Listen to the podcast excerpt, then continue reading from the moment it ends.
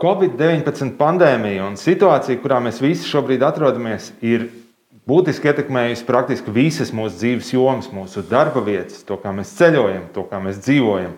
Un, protams, visvairāk jau to, kā mēs dzīvojam ģimenēs. E, mani sauc Nils Saks, Konstantīnos. Mana specializācija ir bērnu un pusauģu psihoterapija. Un šī ir saruna vecāka stunda, kurā mēs runāsim par to, kā šī pasaules vēsturē neparastā situācija ietekmē tieši mūsu ģimenes dzīves un kā ģimenes locekļiem, un jo īpaši vecākiem, vieglāk tikt ar šo eh, visu galā, palīdzēt pašiem sev un, protams, eh, atbalstīt savus bērnus. Viena no lietām, ko Covid pandēmija un tās ierobežojumi ir ietekmējuši visvairāk, ir, protams, saistīti ar skolām un izglītības sistēmu. Un eh, šīs pārmaiņas ļoti atsaucas uz to, kā jūtas bērni un pusauģi. Mums ir Eh, pētījums, kur mēs veicām eh, pusauģu un jauniešu psihoterapijas centrā, mēs redzam, ka no katriem desmit eh, jauniešiem šobrīd aptuveni seši jau saka to, ka viņi īsti labi vairs netiek galā ar savu ikdienas dzīvi, ar savām emocijām, ar to, ko viņi domā, ar to, kā viņi jūtas. Un lielākā daļa no viņiem, vairāk nekā 60%, saka, ka galvenās grūtības izraisa tieši mācības. Tā kā šie pusauģi atrodas un bērni mājās, tad, protams, e, lielākā daļa šo grūtību gulstās uz viņu vecāku e, pleciem. Vecāki ir tie, kuriem ir jāatbalsta, jātiek galā. Nu, savā ziņā jāuzņemas gan skolotāji, gan skolas direktori, skolas pavāri un, e, un sociālo darbinieku un visas šīs lomas, kuras līdz šim pildīja skola. Protams, ka tas atstāja diezgan nu, būtisks būtiski ietekmi arī uz to, kā jūtas un kā domā un kā dzīvo paši vecāki. Un tieši par šo arī šodien e, mēs parunāsim. Mans e, sarunas viesis, ar ko mēs e, dalīsimies domās, ir psihoterapeits Armāns Brants, pārstāvi psihoorganisko analīzi un pārsvarā tavi klienti ir tieši vecāki vai pieauguši cilvēki, kuriem jau ir bērni. Jā, tieši tā. Paldies. Tu vari varbūt druskuļi pastāstīt par to, kas ir psihoorganiskā analīze, ko tas nozīmē? Nu, ļoti īsi psihoorganiskā analīze ir uh, apvienots ķermenis un psihe, kad viņas izprot kopīgi, nevis kā atdalīt, kad ir tikai psihe, bet kā eksistē ķermenis un ka viņš reaģē uz kaut ko, kas ir psihē un otrādi, kad ķermenis ietekmē psihi. Tad, nu, piemēram, maskustīgs veids ietekmē psihi un otrādi. Ja. Psihi ir kaut kādi uh, parādās grūtības vai mentālas grūtības, tad tas izpaužās ķermeniskās izpausmēs, kā nesavaldība un tam līdzīgi. Tas ļoti interesanti, jo es pārsvarā strādāju tieši ar pusauģiem un jauniešiem, un viņiem var ļoti labi redzēt, ka tad, kad viņa ķermenis šajā situācijā, piemēram, ir kļuvis nekustīgāks vai krietni mazkustīgāks, viņi nevar vairs iziet ārā, darīt citas lietas, viņa psihi tas ļoti ievērojami ietekmē. Un ir parasti tā ir pirmā lieta, ar ko mēs vispār sākam. E, bet, e, kā, kā ir, vai tu novēro to, ka tie, tie cilvēki, kas nāk pie tevis šobrīd, ka viņu, nu, negribētu teikt, sūdzības, bet tās dzīves e, grūtības ir kļuvušas citādākas, un, un vai tās ir lielā mērā saistītas ar to, ka viņu bērni vairāk atrodas mājās, un, un, un to, ka varbūt viņu bērniem mācībās vairs neiet nu, tik viegli, kā ir gājis līdz šim? Protams, protams gan, gan arī tie, kuri ir vieni paši, gan arī tiem, kuriem mājās bērni. Nu, tas stāvoklis, kas tagad ir valstī, spēcīgi ietekmē. Jo viennozīmīgi pati slimība ietekmē bailes no saslimšanas, tad ierobežojumi, tas ir psihisks ierobežojumi arī. Uh, Un vēl ideja par sodiem, un ja tas ir ilgstoši, tas ietekmē diezgan spēcīgi psihi. Tad ir jautājums, kā psihi ar to uh, nu, atrod risinājumu šajā situācijā. Vēl jau vairāk, ja tiem bērniem ir nepieciešams apgūt kaut kādas zināšanas, un viņi spiesti sēdēt pie datora un, un mācīties un, un apgūt kaut ko, un tas rada vēl lielāku spriedzi. Noteikti, ka cilvēkiem parādās, nu, teiktu, tā, parādās tās grūtības, ko viņi ikdienā agrāk pirms tam nepamanīja. Vienkārši tagad sāsinās tas stipri. Ja cilvēks kādreiz varēja izstaigāties, iet uz teātriem, uz kino, vēl kaut ko tamlīdzīgu. Viņš kaut kā sevi regulēja. Ar šobrīd viņam nav nekādas regulācijas mehānismu priekš sevis. Nav savas, nu, savas telpas, piemēram. Tad, protams, ka tā, sas, tā spriedze radās tik liela, ka cilvēkiem ir jautājums, kā viņi ar šo spriedzi risina priekš sevis un saistībā ar apkārtējiem. Mm. Dažreiz viņi liekas, nevaldīgi dara pāri. Un, un tam līdzīgi vēl jau vairāk jauniešiem, viņiem tik daudz enerģijas, viņiem vajag kustēties. Un, ja viņiem šie, te, to, ko es teicu, šie aspekti trīs ietekmē viņus, tad uh, viņiem viens no mehānismiem sastingt, bet tas liecina to, ka viņu mentālajā pasaulē arī kaut kas notiek tāds, kas sasprindzina viņu. Un, un ilgstoši tas var atstāt diezgan liels pēdas psihē. Jā, tā ir interesanta lieta, to aprakstu, to sasniegšanu. Tā ir tiešām lieta, ko daudz vecāki man stāsta par saviem pusauģiem, ka ir sajūta, ka viņi ir palikuši sasnieguši un nekustās, nekāp vairs ārā no gultas, neiet ārā no istabas. Vispār pārstāja nu, iero, ierobežo savas kustības diezgan lielā mērā. Mēs Mūsu sarunas noslēgumā mēs apstīsimies. Mums ir diezgan daudzi vecāki uzrakstījuši savas pieredzes par, par, par to, kā viņi jūtās tajā situācijā. Tur diezgan e, daudz jautājumu arī mums uzdot. Mēs pamēģināsim kādu no tiem atbildēt. E, bet e, man, man gribējās te, te pavaicāt, kā to visu ietekmē tas, ka ģimene ir bērns. Piemēram, šīs pašas vecākas sajūtas. Liela daļa no tā, ko tu aprakstīji, tā droši vien attiektos uz katru no mums. Nu, ir ierobežota iespēja aiziet uz teātriem, sevi regulēt un viss pārējais bet droši vien, ka ģimenē, kurā ir vecāki un, un bērni, iespējams, ka tā sistēma darbojas vēl kaut kā citādi, vai uzliek vēl papildus slogu pašam vecākam. Nu, viennozīmīgi, ja vecāks vēl strādā no mājām, tad vēl, vēl trakāk viņam jau sajūg visas lomas, kas ir skolnieks, kas ir mamma, kas ir skolotājs, kur ir darb, darbinieks, kur ir o, kur ir darbs, un kur ir mājas, un kur ir atpūta. Un iznāk, viss tas ir, nav strukturēts, un tas rada, nu, jebkurā gadījumā trauksmi viennozīmīgi. Un, un ja tā ir ilgstoši, tad, kā jūs teicat, tad, ja, piemēram, pieaugušie nepazīst savu, savu agresivitāti, viņi paliek agresīvi, Un bērni arī vēl to nesaprot, kas notiek ar vecākiem. Viņi, ja vēl viņi nerunā, tad vispār diezgan mm. sarežģīti. Arī ja nav saskarsme verbāli vai nu, saruna, vienkārši saruna, tad tas vēl vairāk sarežģīti. Jebkurā gadījumā nav novilkts robežas, kurā brīdī kas ko dara un kur ir tā vieta, kur, vai, nu, domāju, tā elpa, kurā gan jaunietis, gan mamma, gan tēvs var atpūsties mm. un pabūt ar sevi. Tu pieminēji to saikni, e, ka vec, e, bērni savā ziņā spoguļo e, vecāku reakcijas. Kā, bet tas darbojas arī iedomājos, uz otru pusi, ka, piemēram, nu, bērnam, it sevišķi viņam kļūstot vecākam, viņam tā savu pasauli vienalga veidojās, un viņš arī savu personību var izpaust nu, tādos reizēm sarežģītos veidos mājās esot, un vecāki to aizvien biežāk saka, saka pamanīt. Un tur droši vien parādās arī diezgan sarežģītas emocijas pašiem vecākiem. Nu, Nīl, man jau tas pats par šo var atbildēt daudz, bet es teiktu tā, ka ja šai sistēmā parādās kāda agresivitāte, kā tāda pat nevar noteikt, kurš ir visagresīvākais. Jautājums ir, kā tie cilvēki savā starpā risina šo jautājumu. Un, ja ir kāds visagresīvākais, viņš var apspiest pārējos, un tad vienkārši citiem atkal nav iespējas izteikt sevi. Nu, kurā gadījumā, no manas sapratnes, notiek cīņa par kaut ko. Lai gan visi viens otru, piemēram, mīl un tam līdzīgi, bet ir ienākusi agresivitāte nesaprašana par to, kas notiks, bailes par nākotni, bailes, cik ilgi tas būs un tam līdzīgi. Tad viņi sāk risināt dažādākos veidos, kā nu prot. Nu, bieži vien ļoti neveselīgos.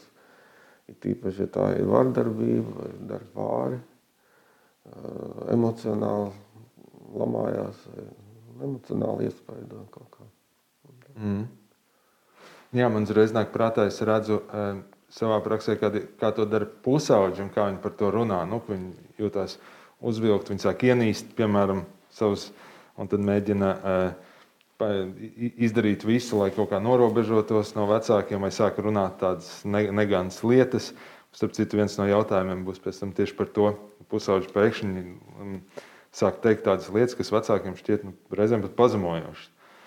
Un, un, vai ir kaut kādas tādas līdzīgas sajūtas, par ko pieaugušie stāsta? Nu, to, tos ir terapijā, par to, kādas agresija ir viens. Mēs parunājam, varbūt ir vēl kaut, kaut kas tāds. Nu, vecāki vairāk runā par nu, cilvēku, kas pie mums nāk. Mēs runājam par to, ka, ka viņi nu, nevar sa, nu, savaldīt sevi Viņiem ir gan dusmas uz skolu, gan uz skolotājiem, gan uz sistēmu un tam līdzīgi. Un, un vainas sajūta, ka viņi kaut ko ne tādu pareizi dara, un viņi īsti nezina, kā, kā tagad rīkoties, jo nav receptes. Nav, šī situācija tiešām ir ārkārtēja, jo nav ierasta, un neviens nezina, kā atrast risinājumu šādās situācijās kad ilgstoši dzīvo vienā telpā un risina dzīves jautājumus diezgan tādā saplūdušā stāvoklī. Un katrs grib piedzīvot savu identitāti un atrast savu vietu. Un šajā gadījumā ļoti svarīgi ir priekš manis no manu virzienu, ka vienatne vai vajadzība pēc vienas tā ir fundamentāla, ja, kad pabūt ar sevi vai tas ir iespējams tas ir jautājums gan mātēm, gan tēviem. Tas ir ļoti svarīgi pabūt vienam pašam. Sajust sev, izprast sev, kas notiek. Un, un tā. mm. Es, tu, tu pieminēji tādas uh, sajūtas kā vaina, dusmas. Vēl kaut kas, es gribu izmantot to, kad sākumā pieteicu, ka te, mm, psihoterapijas virziens, kur tu pārstāv, viņš diezgan cieši sa, saistīts ar ķermeni. Jā. Mm ir kaut kas, kā šīs lietas parādās ķermenī. Cilvēkiem varbūt tas ir veids, kā arī to var atpazīt. Labāk sākot ar kaut kādām ķermeniskām sajūtām. Teiksim, vecāki kaut kas, ko, viņi, ko, ko, ko var samanīt pie sevis. Protams, viens ir tas, ko ja cilvēkam ir kādas chroniskas vai nu, neizteiktas kaut kādas kaitas, vai viņam rodas sācinājumi. To, un, reumatoīdi artrīti, sācinājumi un tam līdzīgi. Tieši autoagresīvas kaut kādas saslimšanas, ja cilvēkam ir, tad viņas ļoti stipri sācinās. Viņi to agresivitāti vēl vairāk vērš pret sevi, jo viņiem nav iespēja izpaust, izteikt un tam līdzīgi. Nu, un, protams, ka viena no aspektiem ir, ka nu, ķermenim vai stresa, vai kā to varētu pateikt, spriedzes rezultātā ir savilkta elpošanas muskuļu kakls, un sāp galvas un pleci, un cilvēks vienkārši sastingst. Tā. Mm. Tā ir. Principā lielā mērā tā ir viena tāda um, lieta, ko mēs varam teikt, ja, vecāki jūt, ka mm, ir liels galvas sāpes un, eh, un, un saspringums, tad tas varētu nebūt tikai no tā, ka ir nezinu, palielinājies darba apjoms vai, vai, vai vēl kaut kas, bet ir vērts padomāt, kas notiek um, attiecībās. Um, pašās mājās, nekā iespējams, tas ir ceļš. Jā, jā viennozīmīgi, jo galvas sāpes tas varētu viņu traktēt arī kā, ka cilvēkam ir galvas sāpes, tāpēc, ka viņš nevar atrast kaut kādu risinājumu kaut kam vai tas ir mācībām, vai attiecībām, vai tā situācija, kas ir. Un tas rada sasprindzinājumu, tiešām galva, vai mēs viņu tur nosaukt, mentālā pasaule nevar atrisināt. Ir tik liels spriedzes, kā tad rīkoties, kā būt, mm. Kā rast risinājumu šajā situācijā. Klobit, kā, kā, kā gribās prasīt, tad kā tad rast risinājumu? Un es iedomājos, mēs tā uz diezgan tādas, nu, sarežģītas notis par, par, par, par slimību sācinājumiem, par strīdiem, par agresiju ģimenes vidū, kas, protams, ir visas tās lietas, kas šobrīd notiek. Tās lietas, vien, ko, ko tu un pilnīgi noteikti es redzu savā kabinetā katru dienu, par ko cilvēki runā. Bet, no otras puses, nu, parasti ir tā, ka katrai medaļai ir divas puses. Mm, un droši vien, ka ir, ir arī kaut kas, kaut kāds ieguvums, varbūt, vai kaut kādas lietas, kuras nu, var noderēt turpmāk, kā mēs zinām, pēc katras krīzes reizēm var būt izaugsme. E, kaut kādas lietas, ko no šī, no šī formāta, no bērnu mācīšanās mājās, no tā, ka tā ģimene ir vairāk kopā, vai tajā ir kaut kas, kas var būt noderīgs, ejot tālāk, un varbūt kaut kas, ko pat ir vērts saglabāt, tad, kad um, krīze beigsies. Jā, es domāju, ka tas ir arī interesanti, ka tu piemini šādu gaišo pusi. Tiešām eksistē arī gaišā puse. Vai Jo, ja bērni aiziet uz skolu un viņi atnāk vakarā sešos mājās, un vecāki atnāk astoņos, vēl, viņiem nav iespēja pabūt kopā un izveidot kaut kādas saites, saskarsmi. Šajā gadījumā var veidoties ļoti veselīga saskarsme, ja cilvēks sāk sarunāties, izteikt to, kas viņam nepatīk vai kas ir sāpīgi, kad var veidoties saruna.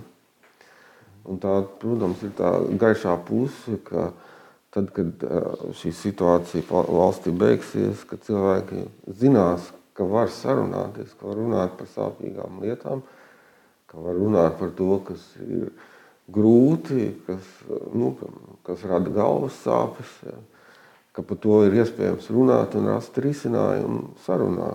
Mm. Un tas var izveidoties tādās tuvās attiecībās starp bērniem Un vecākiem arī tad, kad bērni ir jau izauguši un aizgājuši prom no ģimenes. Tā, tā ir iespēja vecākiem izmantot šo laiku, lai veidotu no savas puses šo saskarsmu ar bērniem.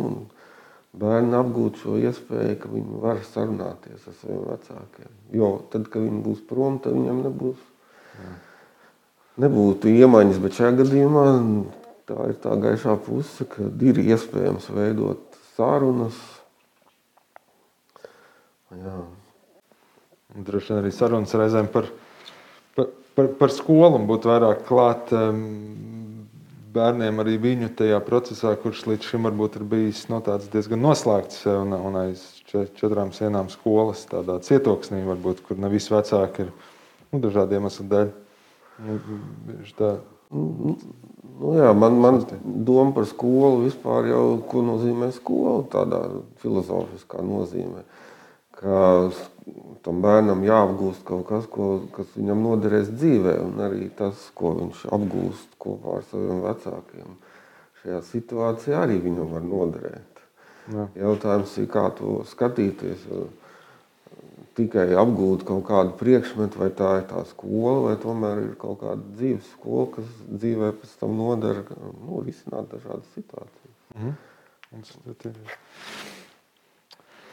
Klau, mm, te ir dažas lietas vēl, ko vecāki grib paveicāt. Un, Mēs tā aizgājām tādā jau pozitīvajā noskaņā, bet vecākiem tomēr problēmas ir diezgan konkrētas un uh, lielas. Un, piemēram, viens no jautājumiem mums ir ienācis par to, ka um, ve, e, viena māma raksta, ka viņa jūtas vainīga, ka ir kaut kāda vainas sajūta, kas patstāvīgi ir iekšienē. Gribas vaina bērnu priekšā, kad nāks viņa sūtīt ratā ar visu savu skolu un, un, un, un gribas vienkārši pateikt, te un pats tiec galā. Un par to vecāks jūtas vainīgs. Jā, Nu, Restīvi jautājums droši vien ir tas, kas vecākiem šķiet, vai, vai tas ir normāli justies vainīgam eh, un, un, eh, nu, ko vispār ar tādu vainas sajūtu darīt. Tas ir kaut kas, ko teikt bērnam, tas kaut kas, ko pašam risināt. Nu, nu, nu šeit, protams, ir vairāk jāiepazīst šis jautājums, bet tā vispusēji skatoties, ja nu, man tā psihoterapijas virziens skatās, tad Ja cilvēks nav fiziski reāli ietekmējis un nav objektīvi kaut kāda vainas izdarīšana attiecībā pret otru, nav emocionāla lamāšanās vai pazemošana un tam līdzīgi, tad vainas sajūta var raksturo to, ka dzīve piespiež regulēt šo situāciju. Tā ir sajūta, ka visi jūtās pret šo situāciju, ir pateikti daudz ierobežojumu, kas ir jāievēro. Tad ir jautājums, kā pret to attiekties. Tā ir tikai sajūta. Un to var piedzīvot visi. Ne tikai mamma, bet arī bērns vainīgs, ka viņam ir jāprasa kaut kas no mammas. Mammai, ka viņi grib sūtīt viņu ratā un tam līdzīgi. Vienkārši šajā gadījumā ir ienākusi vainas sajūta par kaut ko. Un viennozīmīgi, ka par to varētu runāt.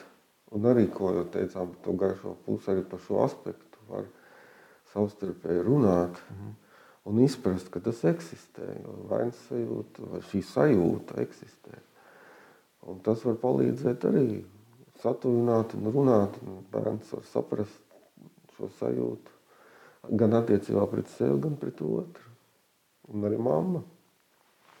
Mm. Tas diezgan interesanti, ka tu es tā nebiju iedomājies, bet taisnība bērns jau tieši tāpatās izjūt vainu par to, ka viņam it kā te, tiem vecākiem kaut kas jāprasa. Un manā gadījumā tas, ko es redzu, ir, ka viņi bieži šo vainu maskē ar, ar, ar to, ka viņi man atsakās prasīt, e, vai arī kļūst ļoti uzstājīgi un, un saka, ka man pienākās, un, un, un tu pat man nepalīdzi, un tāpēc, un tāpēc man nekas nesanāk. Un, un tur jā, izspēlējās. Ļoti, es domāju, ka tā vainas, vainas tēma ir ļoti e, nu, caurauža, ļoti liela daļa no, no tā. Viņi, viņi arī skar nu, tādu izaugsmu, tādu, nevis kā tādu nu, pieaugšana, tāda nobriešana. Vai mm. sajūta, nu, tādas izpratnes varētu teikt, ka tāda pieprasa nobriešana. Ka ir kaut kas, ko es nevaru darīt tā kā agrāk. Un, nu, to, ko dara mamma divgadniekam, vairs nevar darīt to, kas ir piecgadniekam. Tas tā kā piespiež to būt pieaugušākam attiecībā gan pret to situāciju, gan pret otru, gan pret sevi. Jā, tā vien tāda, tāds jautājums, tieši par ko nu pat runāju. Man pusaudze paprasīja, lai es vienreiz aiztinos pastrādāt uz biroju, gribot no manis atpūsties. Un, nu, ekscelenti. jā, un, un, un vēl viena mamma raksta, ka e, vispār es teikšu, ka tagad arī mans dēls atļaujas sev neraksturīgus izteicienus, kas veltīti man. Tie ir uz robežas starp cieņu un necieņu. Nu, šī ir lieta, jā, ko es diezgan bieži dzirdu no, no, no ģimenēm, kas atved pusauģus pie manis, mm, viņi sāk uzvesties nu, tādos ļoti aizskarošos, provocējošos veidos, un reizēm saka tādas nu, tie, tiešām necienīgas lietas. Es jau pirms pieminēju, man liekas, ka cilvēkam, jebkuram cilvēkam ir nepieciešama vienatne un pabūt ar sevi. Tā ir tā pati vajadzība, kā ēst, gulēt, skābeklis, pastaigas, tā ir vajadzība. Un viņi jārespektē. Tas ir ļoti svarīgi, ka, ka piemēram, tas jaunietis var pateikt sev, ka viņam tas ir vajadzīgs.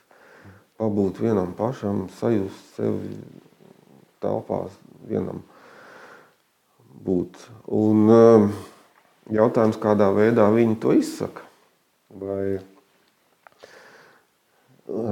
Tas tikai norāda, ka varētu būt, ka viņi nerunā savā starpā, kad, kad tie jaunieši vienkārši agresīvi iz, izsaka savas vajadzības. Un, un to, ko viņi saskatījušies filmās, vai piemēram, veidu, kā vajag runāt par kaut kādām lietām. Nevis to, lai viņi saprastu, lai pieliektu. Jā, jā. jā, tas ir tā kā no kino saskatījies. Nu, atbilstoši kādu kino skatās, tad arī. Mūsdienās arī atbilstoši tam, kuram seko Instagram. Ļoti atkarīgs no tā, kā pasaules.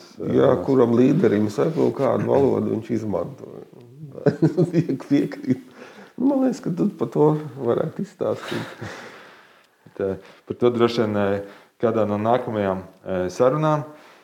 Es teikšu tev lielu paldies, ka palīdzēji mums drusku iedziļināties tajā, tajā sadaļā, kas attiecās uz pieaugušo sajūtām. Man liekas, bija ļoti svarīgi arī, ka tu ienes to ķermenisko dimensiju. Ka tiešām mēs runājam arī par galvas sāpēm, mēs runājam par emociju artrītu.